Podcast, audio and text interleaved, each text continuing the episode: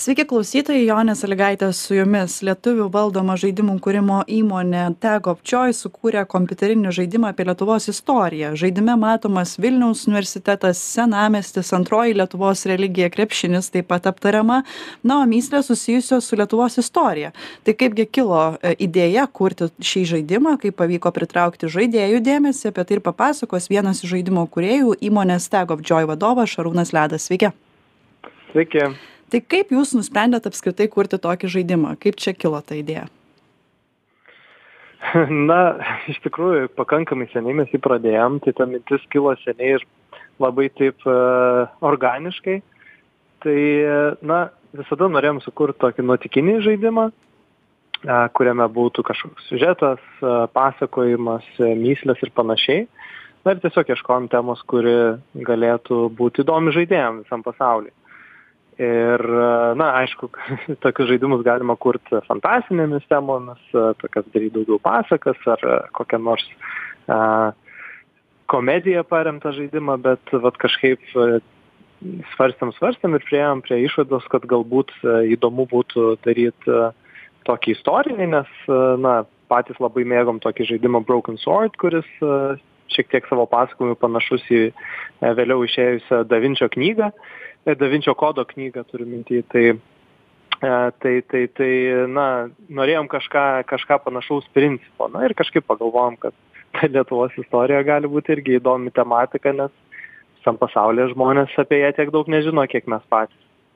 Nuo pačios idėjos pradžios iki tol kol jau tas žaidimas pasirodė kiek jūs laiko užtrukot ir kiek apskritai na žmonių reikia kad būtų sukuriamas toks kompiuterinis žaidimas oi užtrukom tai mes labai ilgai bet na nebuvo taip kad visą laiką aktyviai dirbtumėm prie jo ar kad na visa komanda prie jo dirbtų nuolat. Tai um, praėjo tikriausiai apie šešerius metus bet na normalus normali trukmė tokiam žaidimui sukurt būtų tikriausiai dveji treji metai.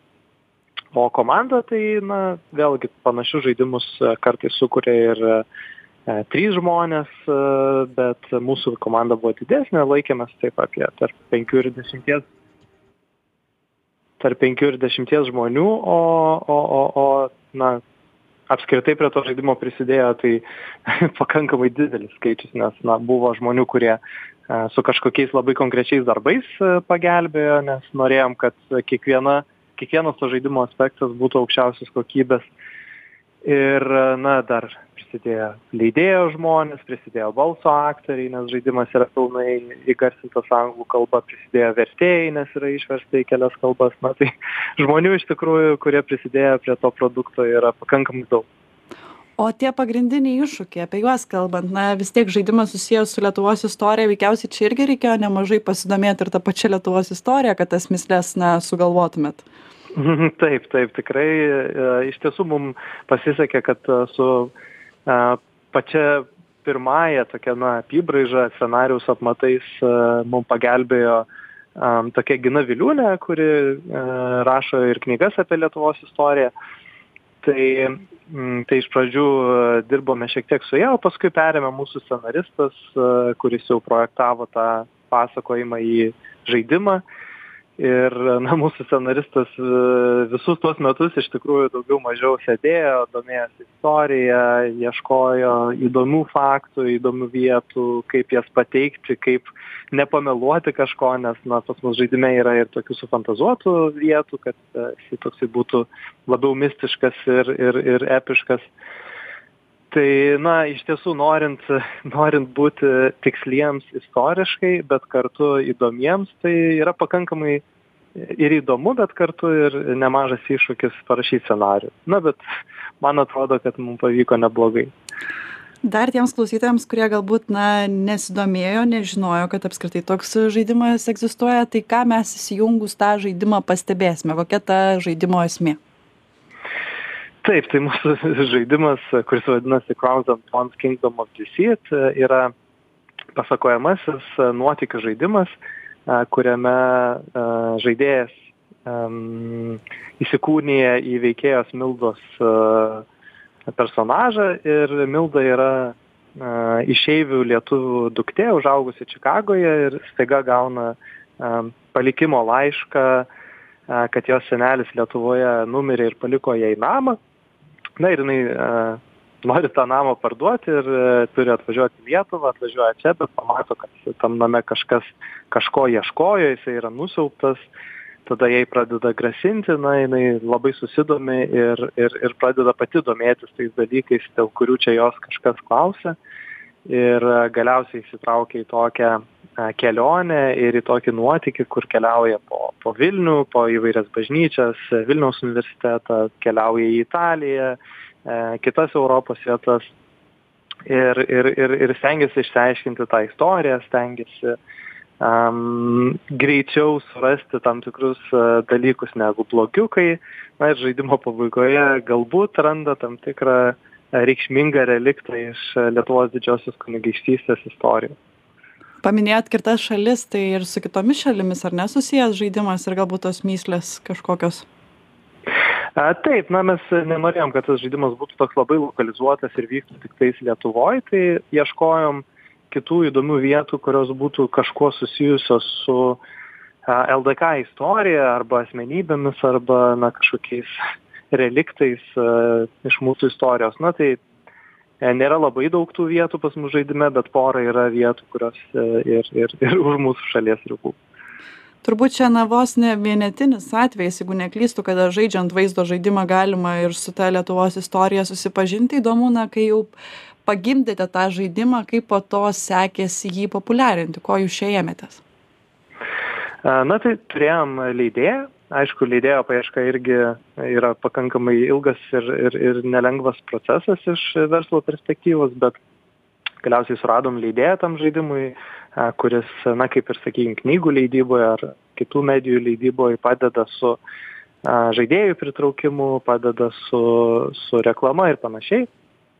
A, tai, tai na, dirbome iš vien su jais, bet aišku, kadangi patys dalyvaujame nuotikinių žaidimų bendruomenėse, tai yra tokia šiais laikais jau toks nišinis žanras žaidimų industrijoje, bet a, užtat ta bendruomenė yra labai aktyvi, jinai, jinai ta, dalinasi ir bendrauja tarpusavę, ieško aktyviai tokių žaidimų, kurie naujai išeina. Tai, tai mes patys įsitraukdami į tą bendruomenę joje ir, ir, ir populiarinome ir pasiekėme tam tikrą auditorijos dalį. Lengviau pavyko pritraukti lietuvių dėmesį, ar visgi lengviau buvo į tos tarptautinius vandenys išplaukti?